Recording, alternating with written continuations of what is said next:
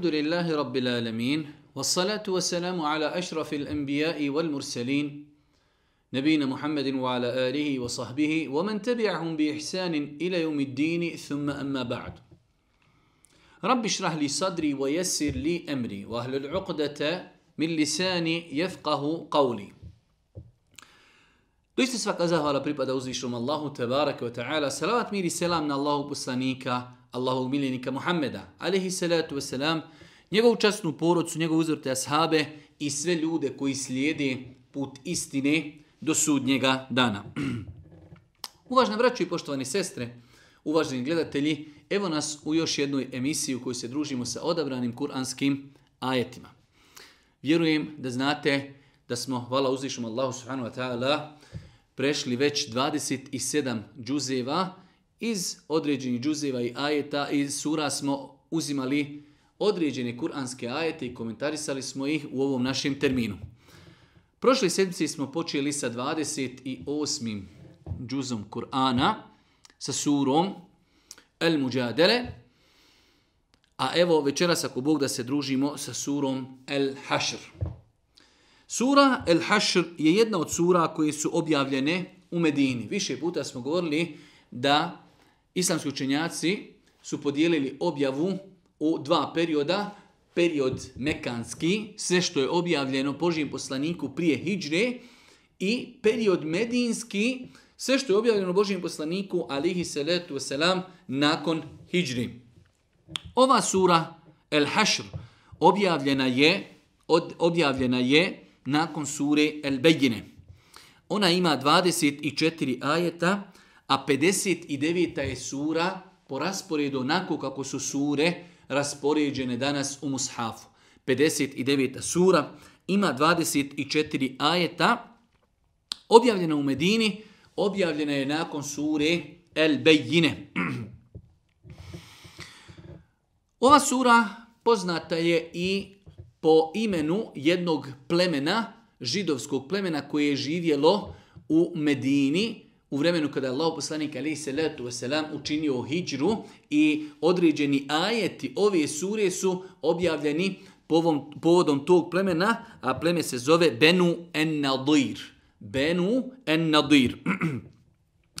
Ova sura na kraju u tri poznata ajeta koja se dosta puta uči kod nas kao ašare e, u džamijama, هو الله الذي لا إله إلا هو عالم الغيب والشهادة هو الرحمن الرحيم هو الله الذي لا إله إلا هو الملك القدوس i do kraja ajeta ta tri ajeta poznata su u našem narodu i za njih se vezuju određeni hadisi o njihovoj vrijednosti. Nažalost, ti hadisi nisu vjerodostojni. Jedan od tih hadisa jeste hadis od imama kojeg bilježi imam Et-Tirmidhi, da je spomenuto da onaj insan koji jutrom prouči ova tri ajeta, da na njega 70.000 meleka donosi e, salavat i za njega moli Allah Đeršanu da mu oprosti sve dok ne omrkni. A isto tako ako bi umro u tom danu kao umro bi imao bi nagradu šehida, a isto tako se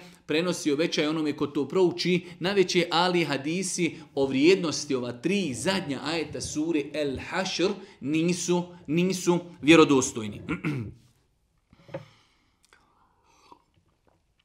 Ova sura, rekli smo da se vezuje za jedno židovsko pleme u e, odnosno židovsko pleme koje je bilo nastanjeno u Medini, on onda kada je Allah poslanik alihi salatu wasalam učinio hijđru u Medinu.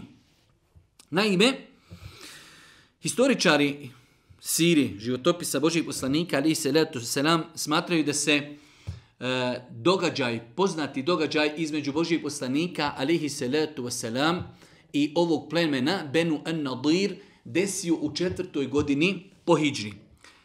Naime, oni su pokušali da izvrši atentat na Božih poslanika, alihi salatu wasalam, pa je to bio razlog da je prekinut ugovor između njih i Božijeg poslanika, alihi salatu wasalam, pa im je Allah poslanik, alihi salatu wasalam, kao kaznu što su prekršili ugovor sa njim, naredio da se iseli iz tog svoga mjesta, ostavio im je deset dana na raspolaganju. Oni su potpomognuti licemirima Medine, odbili da se isele, pa je Allah poslanik alihi salatu wasalam, po nekim predajama šest dana, znači stavio u opsadu, nakon čega su oni prihvatili da se iseli iz Medine. To je znači, hajde da kažemo, kratak rezime onoga što se desilo sa ovim plemenom. Naime, Allah poslanik ali salatu wasalam kada je došao u Medinu sa okolnim plemenima iz Medine, između ostalih bila su tri plemena uh, židova, potpisao je ugovor, imali su ugovor o saradnji, o potpomaganju i prekidu bilo kakvih ratnih dejstava. Pa jedan ashab Božih poslanika, alaihi salatu wasalam, greškom ubio dvojicu ljudi, pa je Allah poslanik, alaihi salatu wasalam, otišao, tražio je od Benu Nadira da mu pomognu, da mu daju i zajam kako bi on platio e, krvarinu, diju krvarinu za tu dvojicu ljudi koji su ubijeni iz plemena s kojim je Božim poslanik alihi salatu wasalam također imao ugovor i garanciju gdje su jedni drugima garantovali da će živjeti u miru. Pa kada je došao kod stanovnika plemena Benu An-Nadir, oni su ga prihvatili kako stoji u knjigama historije, rekli su da, mi ćemo vam dati pomoć i da ćemo vam zajam da se ta krvarina plati, Allahu poslanik je sjedio pored zida jedne kući, pa kada su otišli kao da donesu i metak, neki od njih su rekli ovo vam je idealna prilika da se kutarišimo i riješimo Muhammeda, alaihi salatu wasalam, pa su zatražili ko će otići na tu kuću, popeti se i veliki kamen baciti i na taj način ubiti Božijeg poslanika, alihi salatu wasalam, pa je se javio jedan čovjek koji se zvao Amr ibn Džihaš. Pa je se on javio dok je on ispunjavao to što je htio da ispuni, Allahom poslaniku je došao Džibril alaihi salatu wasalam sa neba i obavijestio ga o onome što mu se kuje tamo iza leđa, da mu se sprima atentat, pa je Allah poslanik bez da išta sahabe obavijestio, a sa njim je bio i Ebu Bekr, i Omer, i Alija, radi Allahu ta'ala pa je otišao.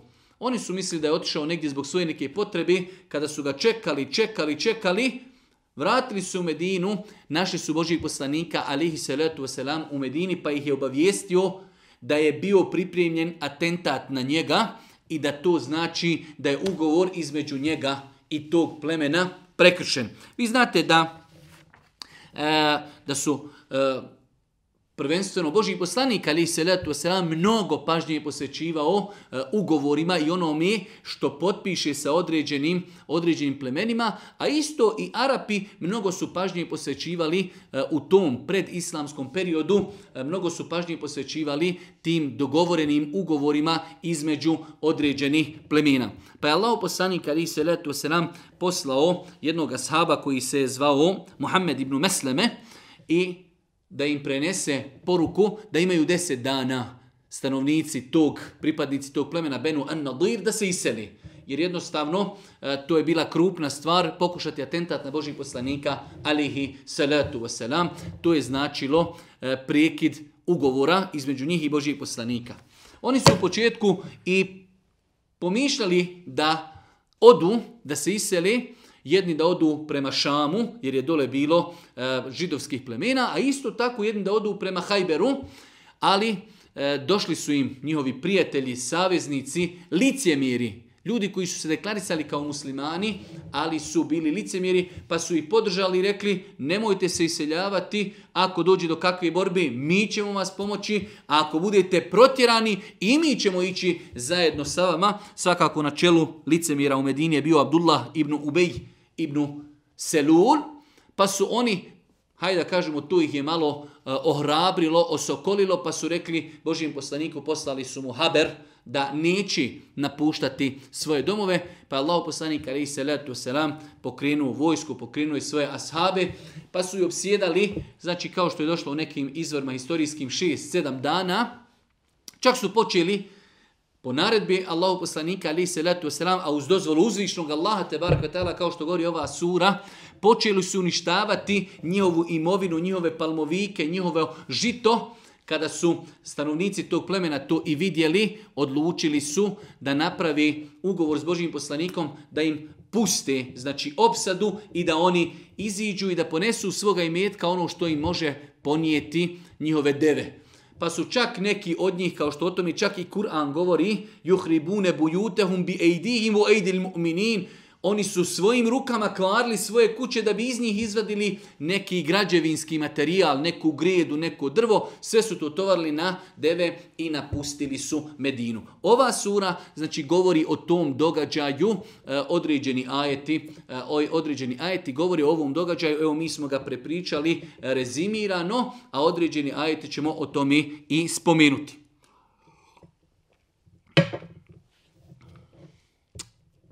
Uzviši Allah subhanahu wa ta'ala ovu suru započinje tesbihom, veličanjem eh, e, uzvišnog Allaha pa kaže Sebeha lillahi ma fi samavati wa ma fi l'ardu wa huwa al-azizul hakim.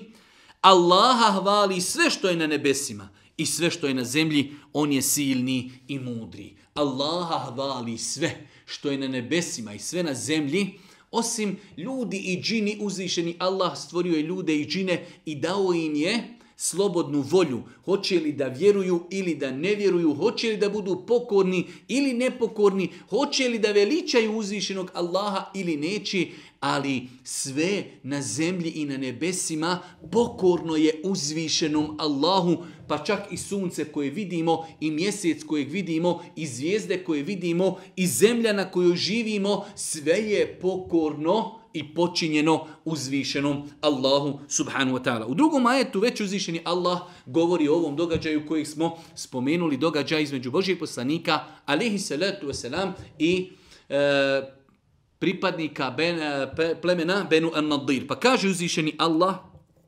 on je, Allah, prilikom prvog progonstva iz domova njihovih protjerao one sljedbenike knjige koji nisu vjerovali. Allah je taj koji ih je protjerao. On je taj koji je tako odredio da će se desiti, da će biti protjerani iz svojih domova. Neki su otišli, znači rekli smo prema Hajberu, neki prema Šamu. E, ova riječ, sura Hašr, znači okupljanje ili protjerivanje. Pa je to znači prvo okupljanje ili prvo protjerivanje, a nakon smrti dolazi ono istinsko i glavno e, okupljanje ljudi radi polaganja računa, pa uzvišeni Allah ovdje koristi riječ li evvalil hašr, prvo progonstvo ili prvo okupljanje. Vi niste mislili da će otići, a oni su mislili da će ih utvrde njihove od Allahove kazni odbraniti, ali im je, Allah, ali im je Allahova kazna došla odakle se nisu nadali. I on je u srca njihova strah ulio. Vi niste mislili da će otići, a oni su opet mislili da će ih njihove utvrde zaštititi. Bili su sljedbenici plemena Benu Nadir poznati da su imali e, dosta oruđa, dosta oružja, da su imali dosta, dosta vojno sposobnih. Znači jednostavno bili su jaki, pa kaže vi niste mislili da će otići, a oni su opet mislili da će ih njihove utvrde sačuvati. Ali, kaže, Allah im je poslao iskušenje, poslao im je nešto odakle se oni nisu nadali, وَقَذَفَ فِي قُلُوبِهِمُ الرُّعْبِ Allah je dao u njihova srca strah. A oni koji su bili u tim nekim teškim momentima, kriznim momentima, znaju koliko je opasno kada u srca ljudi uđe strah. A došlo je u drugim vjerodostojnim hadisima da uzviši Allah subhanahu wa ta'ala potpomogao Muhammeda alihi salatu wasalam. Jedna od pet odlika Božih poslanika jeste da mu je dao da se njegovi neprijatelji Muhammeda alihi salatu wasalam njega straši i boje, imaju strah, mjesec dana hoda ispred Božijeg poslanika. Pa kaže uzvišeni Allah, ali im je Allahova kazna došla odakle se nisu ni nadali. I on je u srca njihova strah ulio. Ovo je jedna interesantna stvar. Insan kad ima neki problem, nevezano sada za ovu temu, pa insan počne razmišljati pa kako će doći rješenje, pa odakle će doći izlaz i tako dalje. Čovjek treba da se vezuje za Allaha, treba da moli Allaha da mu pomogne, da mu olakša, a kakvo će biti rješenje, odakle će doći rješenje, to prepusti svome gospodaru. Pa uzvišeni Allah ovdje kaže, Allah je taj koji je znači poslao na njih neprijatelja protiv kojih se oni nisu mogli boriti. وَقَذَفَ فِي قُلُوبِهِمُ الرُّعْبِ Dao je u njihova srca, dao je u njihova srca strah. Vlastitim rukama i rukama vjernika svoje domove su rušili.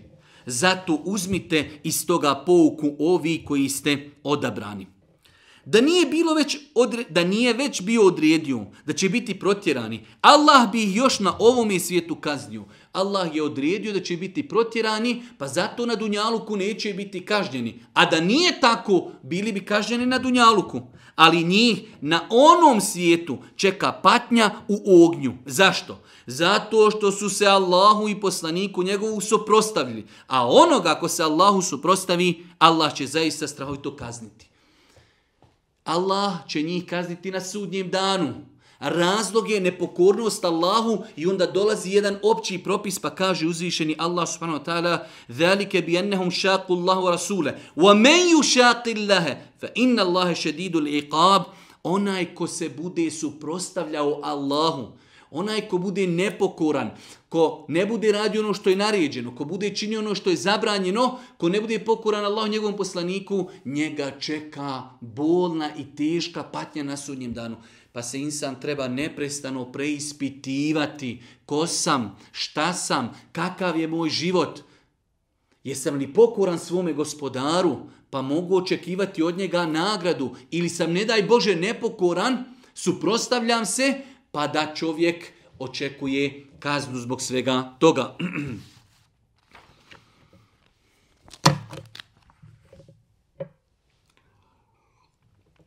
Nakon što uzvišnji Allah subhanahu spomenuo ovaj događaj ovog plemena, govori o tome, to je bio jedan specifičan slučaj, da je to znači e, njihova zemlja, njihovi posjedi, njihova imovina osvojena bez borbe. Pa je uzvišeni Allah pojasnio u narednim ajetima kako se dijeli u islamu imovina koja je steknuta bez borbe.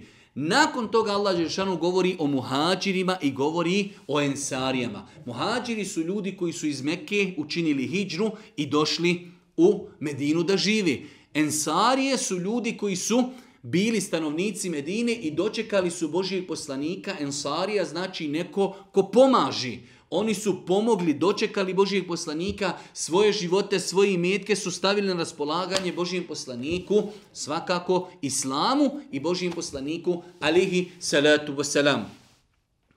Pa su muhađiri, Oni koji su došli učinili hijđu iz Mekke. Ansarije su oni koji su živjeli u Medini prije dolaska Božijeg poslanika, alaihi salatu wasalam, generalno gledajući, u Kur'anu se uvijek spominju prvo muhađiri, jer je to jedan veći stepen ljudi koji su od početka primili islam s poslanikom, došli učinili hijđu zajedno s Božijim poslanikom, a Ansarije su oni koji su i dočekali i omogućili da učini hijđu u Medinu. Pa kaže uzvišeni Allah subhanahu wa ta'ala, للفقراء المهاجرين الذين أخرجوا من ديارهم وأموالهم يبتغون فضلا من الله ورضوانا وينصرون الله ورسوله أولئك هم الصادقون. والذين تبوأوا الدار والإيمان من قبلهم يحبون من هاجر إليهم ولا يجدون في صدورهم حاجة مما أوتوا ويؤثرون على أنفسهم ولو كان بهم خصاصة. كاجو زيشني الله i siromašnim muhađirima koji su iz rodnog kraja svoga protjerani. Znači i oni imaju udio u toj imovini koja se stekne bez borbi. Pa kaže i siromašnim muhađirima. Ljudi su u Mekki ostavili sve živo. Došli su sa svojim samo životom, pokorni Allahu i njegovom poslaniku, od Dunjaluka ništa nisu ponijeli, sve su ostavili u Mekki. Pa kaže uzvišeni Allah i siromašnim muhađirima koji su iz rodnog kraja svoga protjerani i imovine svoje lišeni, koji žele da Allahu u milosti naklonu steknu, oni su sve ostavili, sve žrtvovali, zašto? Želi Allahovo zadovoljstvo, njegovu naklonost. To je najveći ders u historiji Islama, koliko su ashabi bili spremni žrtvovati se. Zamislite danas da nam neko kaže, trebaš radi Allaha, radi vjeri, radi Islama, sve ostaviti, rusak na leđa i otići negdje. To bi bilo mnogo teško, veliki izazov. U to vrijeme Allahu poslanik kada više nije mogao trpiti iskušenja i torture u Mekki, kaže Allah mi je dozvolio da činimo hijđru i 500 km u Medinu. Allahu ekber. Koji je to iman? Koja je to snaga imana da čovjek ostavi sve radi Allaha, radi njegovog zadovoljstva? Pa kaže uzvišeni Allah i siromašnim muhađinima, koji su iz rodnog kraja svoga protjerani i imovine svoje lišeni, koji žele da Allahu milost i naklon steknu i Allaha i poslanika njegova pomognu, to su pravi vjernici. Oni želu, želi da dođu, urade hijđru, ostavili su sve, ali žele da pomognu Allaha, da pomognu vjeru, da pomognu Božije poslanika, kaže ulaike humus sadiqun. To su pravi, to su iskreni. Oni su prošli na najtežim ispitu. Trebalo je sve žrtvovati, doći živjeti u Medinu. Nakon toga uzvišeni Allah na jedan doista prelijep način opisuje čistoću grudi ensarija. Ne mislim da u istoriji čovečanstva je postojala generacija koja je imala srca čišća od ovih ljudi. Kaže uzvišeni Allah, oni koji su Medinu za življenje izabrali i domom pravi vjere još prije njih je učinili. Oni vole one koji im se doseljavaju u grudima svojim nikakvu tegobu ne osjeti. Zato što im se daje. I više vole njima nego sebi, mada je i samima njima potrebno. Allahu ekber. Juhibune men hađera ilihim. Prva stvar, ti stanovnici Medini, kaže juhibune men hađera ilihim. Vole one koji im dolaze u hijđru. Prva stvar. Vole one koji dolaze, kaže, i ne smeta im to što su oni odlikovani nad njima. Jer su, rekli smo muhađiri, u datom momentu odlikovani nad ensarijama. To njima nije smetalo. Što su ovi tretirani da su bolji od njih. Dolaziš kod nas i smatraš se boljim, nama to ne smeta. I šta još, još uz to? Kaže, oni njima prednost daju nad sobom, makar i njima bilo potrebno. Allahu ekber. Vole one koji im dolaze. To je jedna stvar. Ne zavide im na ono što oni dobiju, na ono što ih je uzvišeni Allah uzdigao, što kaže Ibnu Kethir, njima vole i daju prednost nad sobom, a i oni su potrebni. Allahu ekbar. Ima li ovakvih srca igdje? Voli one koji dolaze. Čak je zabilježeno da je Allah poslanik ali se letu selam pobratio između muhađira i sarija. Kogod bi došao iz Mekke, rekao bi ovo je tvoj brat po islamu u Medini. Pa su ljudi polovili svoj imetak. Dođe čovjek iz Mekke i ništa, nosi samo što bi rekao ono što nosi u svojim rukama. Ovo je, kaže, tvoj brat, ovaj brat njemu kaže, vidi, ja sam iz, izuzetno bogat, ugledan, dajem ti pola imetka. Subhanallah azim. Pa kaže uzvišeni Allah, Oni vole oni koji im se doseljavaju u grudima svojim nikakvu tegobu zato što im se daje ne osjećaju i više vole njima nego sebi mada im je i samima potrebno. A oni koji se čuvaju škrtosti, oni će sigurno uspjeti. Škrtost je jedna opasna stvar, jedna opasna osobina od koje se treba čovjek liječiti. Čak je došlo u vjerodostojnim hadisima da, da je škrtost bila razlogom uništenja prijašnjih naroda. Da ih je to uništavalo, pa insan treba da se bori sa svojom dušom, sa svojim srcem, da se trudi, da ljudima pomogne, da ne bude zavidan, da u granicama svoje mogućnosti bude na uslozi svojoj braći muslimanima, pa uzvišeni Allah ovdje na jedan izuzetno lijep način opisuje ensarije, Medinelije. I danas dan insan kada ode u tu Medinu, jednostavno osjeti nešto posebno. Svi ljudi koji su bili na hađu i na umri, svi kažu u Medini se nekako drugačije osjećamo. Pitomije, ljepši, lakši, čak i oni trgovci, iako u većini slučajeva oni nisu Medinelije, ali jednostavno ljudima ljepši, ljudi se ljepši osjećaju u Medini. Pa uzvišeni Allah za njih kaže, oni vole one koji dolaze njima. Allahu ekber. I ne osjećaju nikakvu zlobu zbog toga što su oni uzdignuti, što im se nešto dodatno daje. Oni, kaže, e, daju njima prednost nad sobom, a makar i njima bilo potrebno. Subhanallahi el azim. Pa uzvišnji Allah nakon toga opisuje vjernike. Imamo opis muhađira, opis ensarija, opis vjernika. Kaže, oni koji poslije njih dolaze, oni govore gospodaru naš, oprosti nama i braći našoj koji su nas u vjeri pretekli. Ovo je osobenost vjernika. Svak od nas treba da se ovdje preispita. Kaže, oni koji nakon njih, nakon muhađira, ensarija dolaze, oni govore gospodaru, oprosti vjernicima koji su bili prije nas. I još jedna stvar. وَلَا تَجْعَلْ fi kulubina gillen lillezine amenu. Gospodaru, ne dopusti da u srcima našim bude imalo zlobije prema vjernicima. Allahu ekber. Svojstvo vjernika je da dovi, da Allah učini njegovo srce čisto i da ne bude u njegovom srcu nimalo zlobe prema vjernicima. Subhanallahi el azim. Gdje su ta čista srca danas? Danas muslimani su podijeljeni po sto nekih verzija i opcija.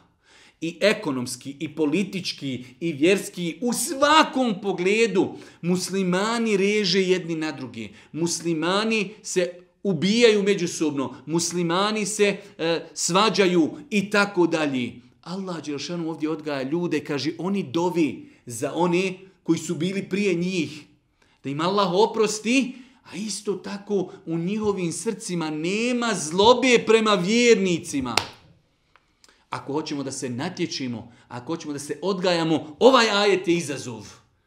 وَالَّذِينَ جَاءُوا مِنْ بَعْدِهِمْ يَقُولُونَ رَبَّنَا اغْفِرْ لَنَا وَلِإِخْوَانِنَ الَّذِينَ سَبَقُونَ بِالْإِيمَانِ وَلَا تَجْعَلْ فِي قُلُوبِنَا غِلًّا لِلَّذِينَ آمَنُوا Oni govori vjernici, Gospodar oprosti nama i onima koji su bili prije nas i nemoj dozvoliti da u našim srcima ima zlobe prema braći muslimanima. Danas su srca muslimana prepuna zlobe jedni prema drugima.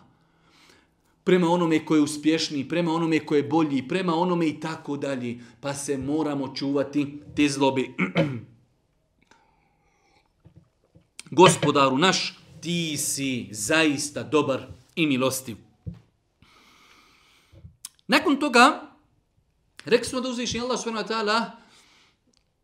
u ovoj suri tretira i pitanje licemira. A rekli smo da su licemiri odigrali jednu veoma opasnu igru u ovom događaju sa Benu Nadirom, da su oni došli i njima pružili podršku. Ne idite, mi ćemo se boriti s vama, ako budete protjerani, mi idemo sa vama. Kao vid podrške. Svakako, kada je došlo do kada je došlo do opsjedanja, oni su shvatili da su to bila lažna obećanja, da su to bila lažna obećanja, kada su se uvjerili da su to lažna obećanja, onda su prihvatili dogovor sa Božim poslanikom, ali se ratu da se iseli.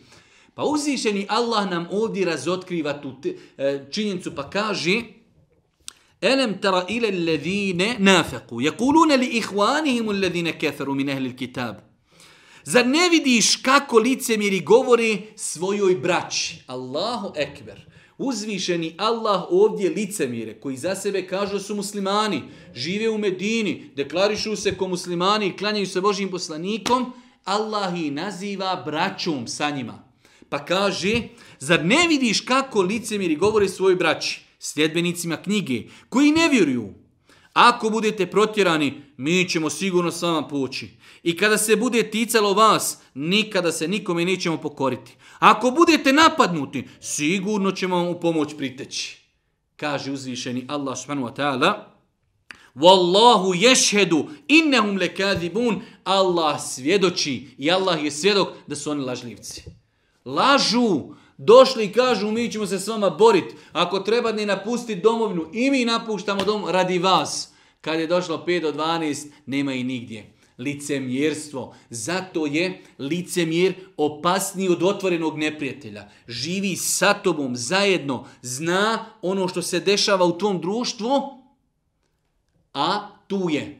Deklariši se kao i ti. Pa Allah kaže, Wallahu ješhedu innehum lekazibun. Allah je svjedok i svjedoči da oni lažu. Ako bi bili protjerani, oni ne bi s njima pošli. Ako bi bili napadnuti, oni im ne bi u pomoć pritekli. A ako bi u pomoći pritekli, sigurno bi pobjegli i oni bi bez pomoći ostali. Oni se više boje vas nego Allaha, zato što su oni ljudi koji ne razumiju.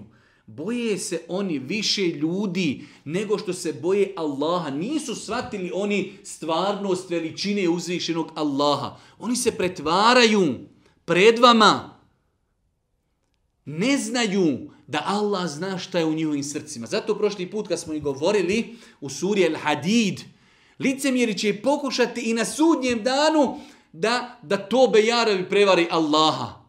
A kada uzvišeni Allah, kada nastupi mrak i tama, kada se treba ne prijeći preko sira čuprije, mu'mini će imati svoje svjetlo koje će ići uz njih. Tada će se razotkriti licemir od vjernika pa će im reći vjernici, idite, vratite se, uzmite svoje svjetlo, pa će između njih i vjernika biti postavljen veliki zid. O tome smo govorili u suri El Hadid. Pa Allah Đeršanu kaže, oni se više boje vas nego Allaha, zato što su oni ljudi nerazumni, ne razumiju stvarnost Islama, ne razumiju e, da je uzvišeni Allah taj koji zna šta je u srcima ljudi, bez da progovoriš. Samo da sjediš, uzvišeni Allah zna šta je u tome srcu i šta je u tvojim mislima, bez da si išta progovorio.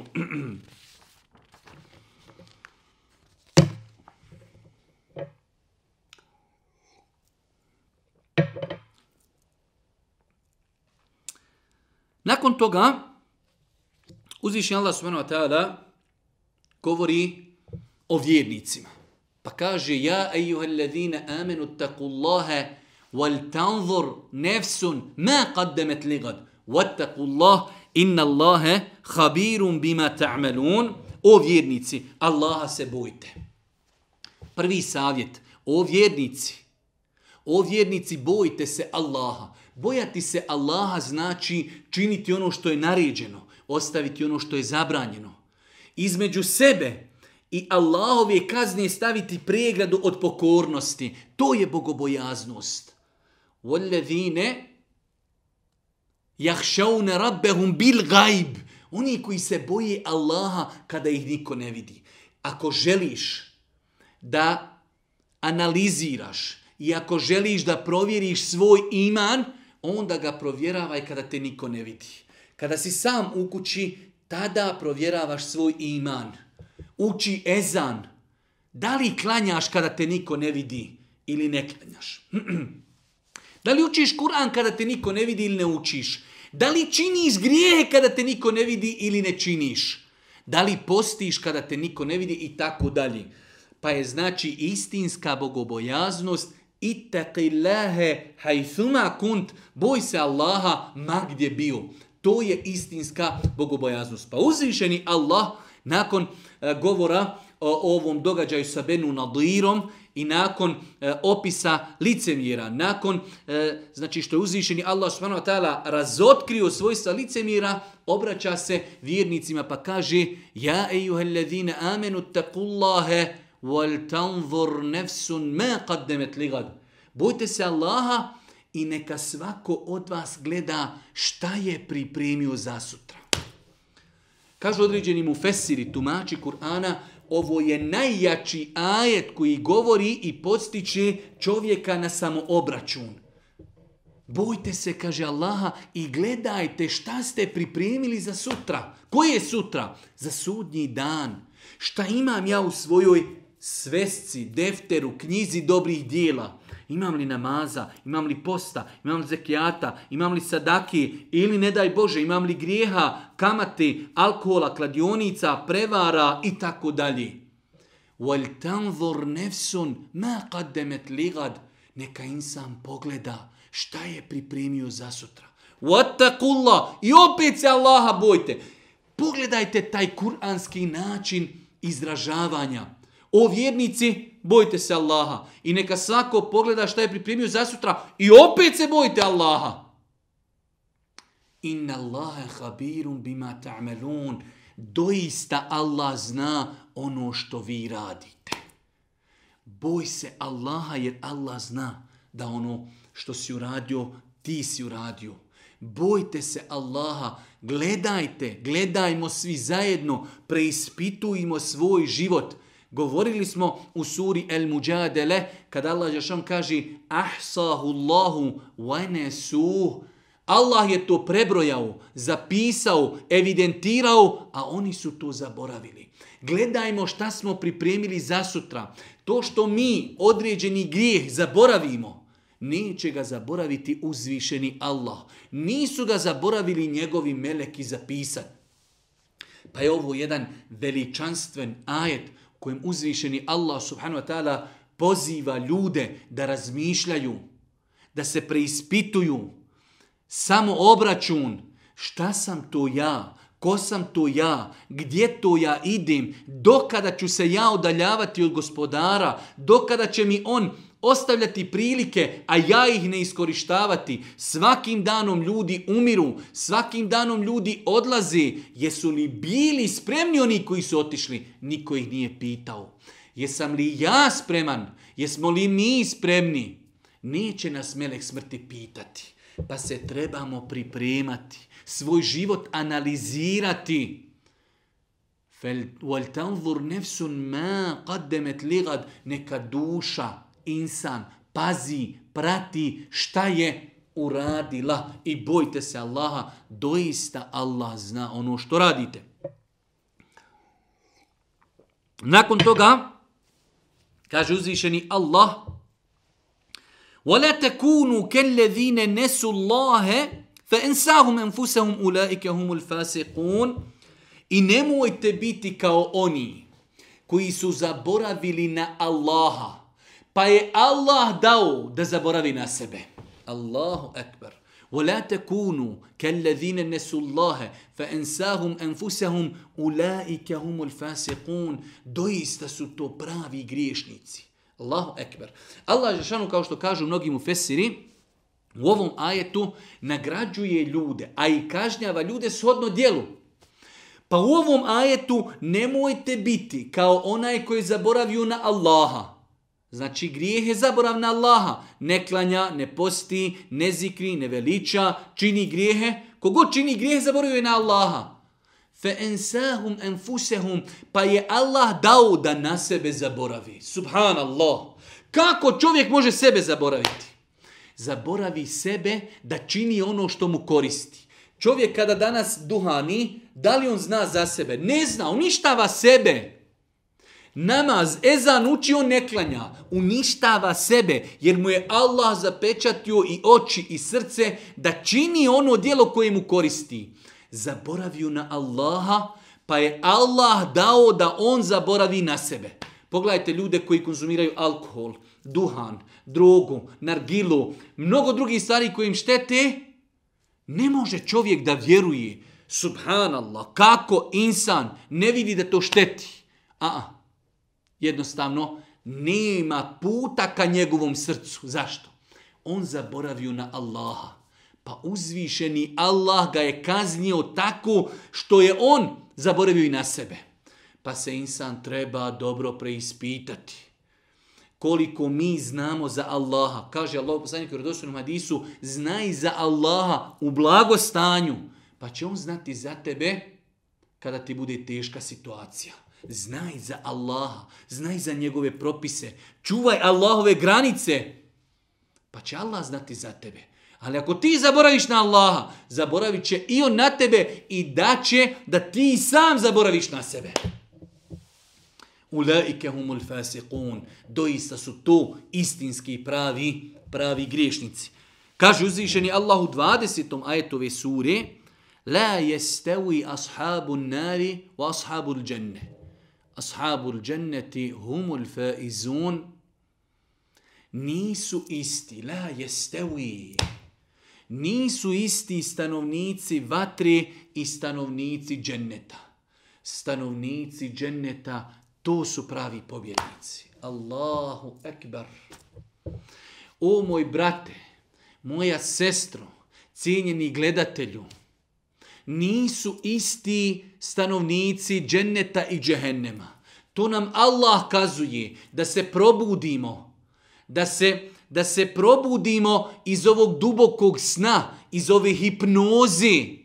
Nisu isti ni na Dunjaluku, kao što kažu mu Fesiri, ni na Ahiretu. Na Ahiretu je razlika mnogo veća, ali na Dunjaluku. Je li isti na Dunjaluku insan koji visi cijeli dan u kladionici, i u birti, i psuje, i vrijeđa, i vara, i ubija, i krade, i insan koji ga Allah počastio imanom. Odgaja svoju djecu, lijepim životom poročni živi, u dobrim odnosi, odnosima sa komšijama, radi za dobrobit društva, nikoga ne uznemirava, pomaže. Zar su ta dva insana ista na dunjaluku? Ovaj na teretu sebi, i porodici, i gradu, i ulici, i zgradi, i državi u kojoj živi. Svima na teretu. Kada se insan bačka drogom, kome je na teretu? Na teretu svoje porodici, na teretu komšiluku, hoće ukrast, prodat zbog droge, na teretu državi. Država mora napraviti komune gdje će se on odvikavati od droge. I tu mora, odvika, mora utrošiti velika sredstva da bi se on odvikao od svojih čeifova. Pa kaže uzvišeni Allah, la jestevi ashabu nari, wa ashabu l'đenne. Ashabu l'đenneti humul faizun. Nisu isti stanovnici dženneta i stanovnici vatri. Stanovnici dženneta, to su pravi pobjednici i oni su uspjeli. Da ne govorimo o razlikama ahiretskim. Je li isto biti u hladovini, uživati u rijekama meda i vina i mlijeka i vode, dženecke ljepotice, voće i znači e, sve ono što padne čovjeku na um, sve će čovjek imati. S druge strane, ljudi će goriti u vatri, kažnjavani vatrom koja je 70 puta teža od dunjalučke vatri. Jesu li isti? Wallahi nisu isti. Pa, braćo moja draga, nije uzvišeni Allah ovaj ajet objavio bez koristi. Trebamo se zapitati kojim putem mi idemo, šta u životu želimo. Hoćemo li da budemo stanovnik vatre ili stanovnik džehennema ili stanovnik dženneta. Subhanallahi l'azim. La jeste i nisu isti. Nisu isti stanovnici vatri i stanovnici dženneta, stanovnici dženneta, to su pravi i istinski pobjednici. I oni će postići ono što želi.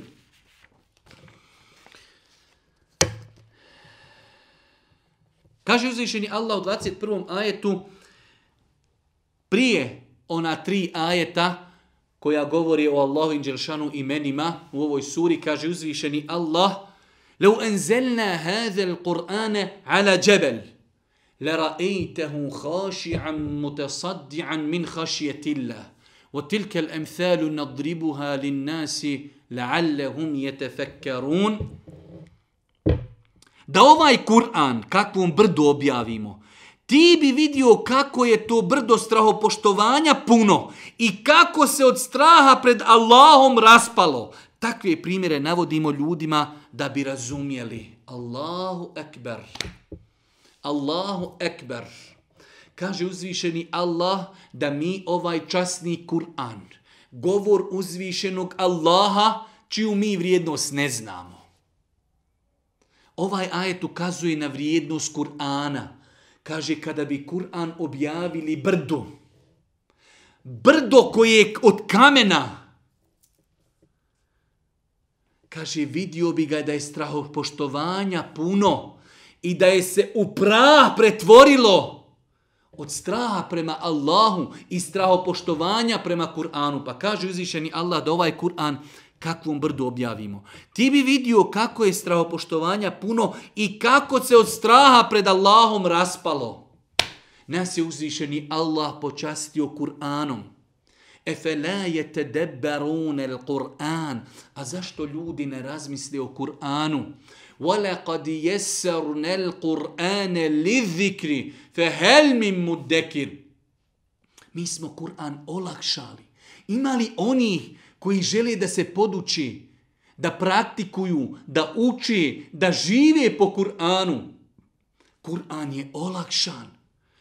Kolika je njegova svetost i veličina, govori činjenica da uzvišeni Allah koji njegov govor je najistiniti, kaže kada bi Kur'an objavili brdu i spustili ga na brdo, vidio bi brdo da je strahopoštovanja puno i straha prema Allahu praha bi se pretvorilo. وَتِلْكَ الْأَمْثَالُ نَضْرِبُهَا لِلنَّاسِ لَعَلَّهُمْ يَتَفَكَّرُونَ To su primjeri koji ljudima navodimo, ne bi li oni razmislili. Allahu ekbar, brate moj dragi i cijenjena sestro, gdje je Kur'an u našem životu? Koliko ga učimo, koliko ga izučavamo, koliko ga analiziramo, koliko praktikujemo, koliko živimo po kuranskim smjernicama? Aisha radijallahu ta'ala kaže, kada su je pitali o Allahu Božje poslanika, kaže, kane huluku rasulillahi al-Qur'an. Njegov ahlak, njegov moral, njegovo ponašanje je bio Kur'an. On je bio živi Kur'an koji hodi. Pa ovaj ajet ukazuje na veličinu, na veličinu i vrijednost Kur'ana. Na kraju ove sure, uzvišen Allah s.w.t. objavio je ajete u kojima se spominje dosta Allahovi subhanahu wa ta'ala imena Kada bi htjeli da analiziramo ova imena, trebalo bi nam sigurno nekoliko predavanja, ali mi ćemo samo kratko pročitati i kratko pojasniti ova imena uzvišenog Allaha. To su oni poznati ajeti, rekli smo, koji slušamo dosta puta u džamijama. Hu Allahu la ilaha illa hu, alimul gajbi wa šehade, hu ar-Rahmanur Rahim.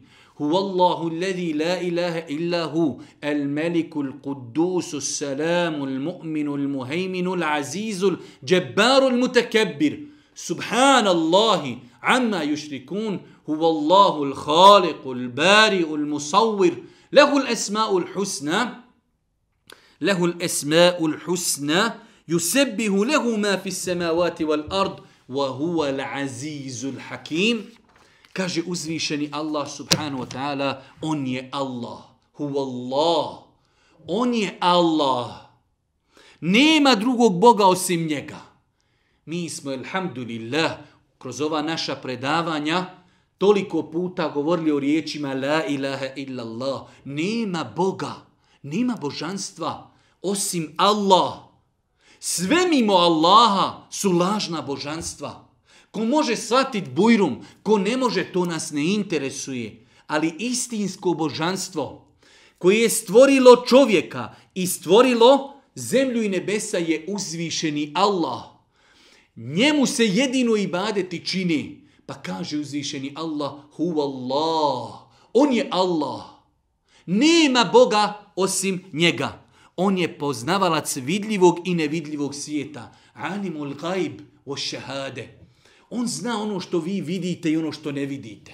On zna što je bilo u prošlosti i zna šta će biti u budućnosti. Njegovo znanje je apsolutno.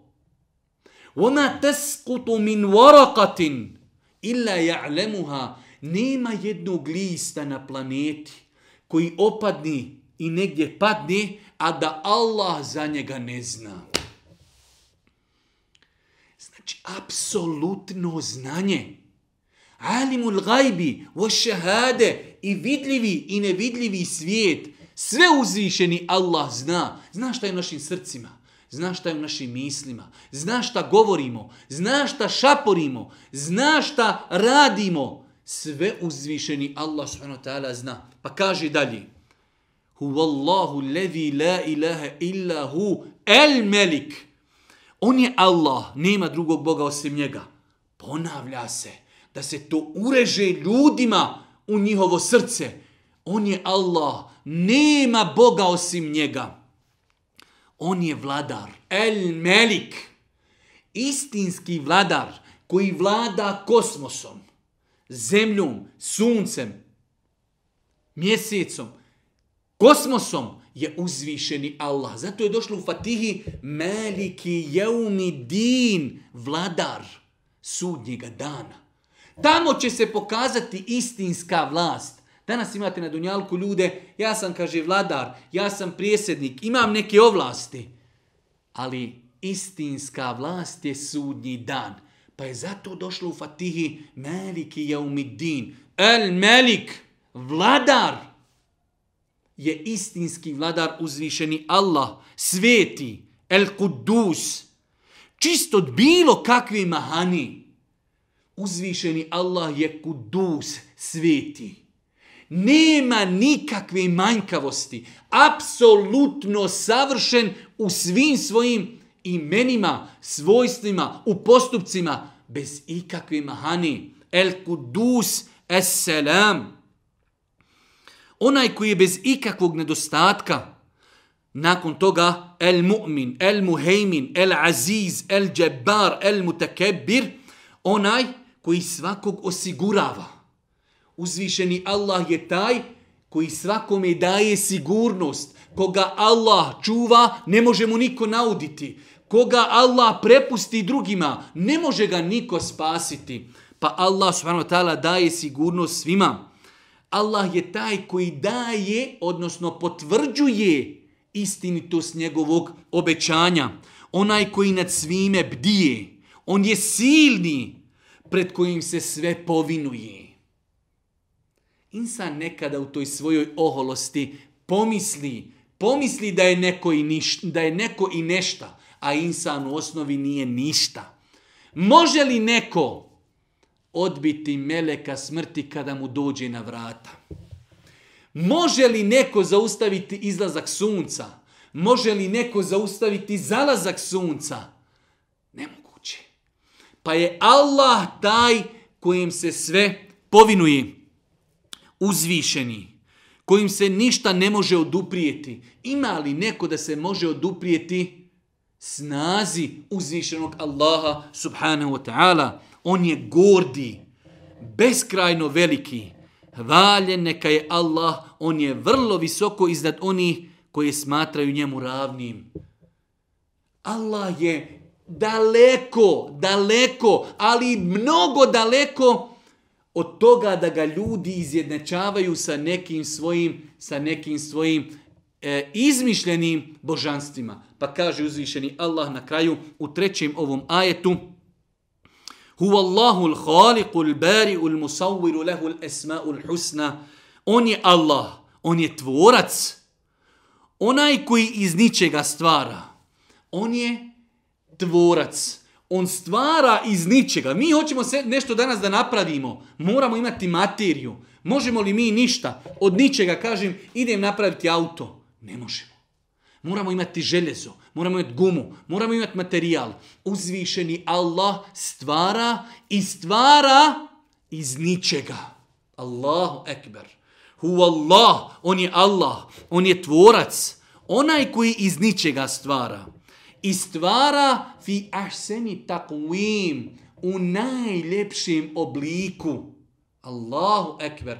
Daje insanu i drugim stvorenjima najljepša svojstva. Onaj koji svemu daje oblik, koji najljepši izgled daje, on ima najljepša imena. Njega hvali i hvali. Oni na nebesima i na zemlji, on je silni i on je mudri. Njega hvali sve što je na nebesima i sve što je na zemlji. On je silni i on je mudri.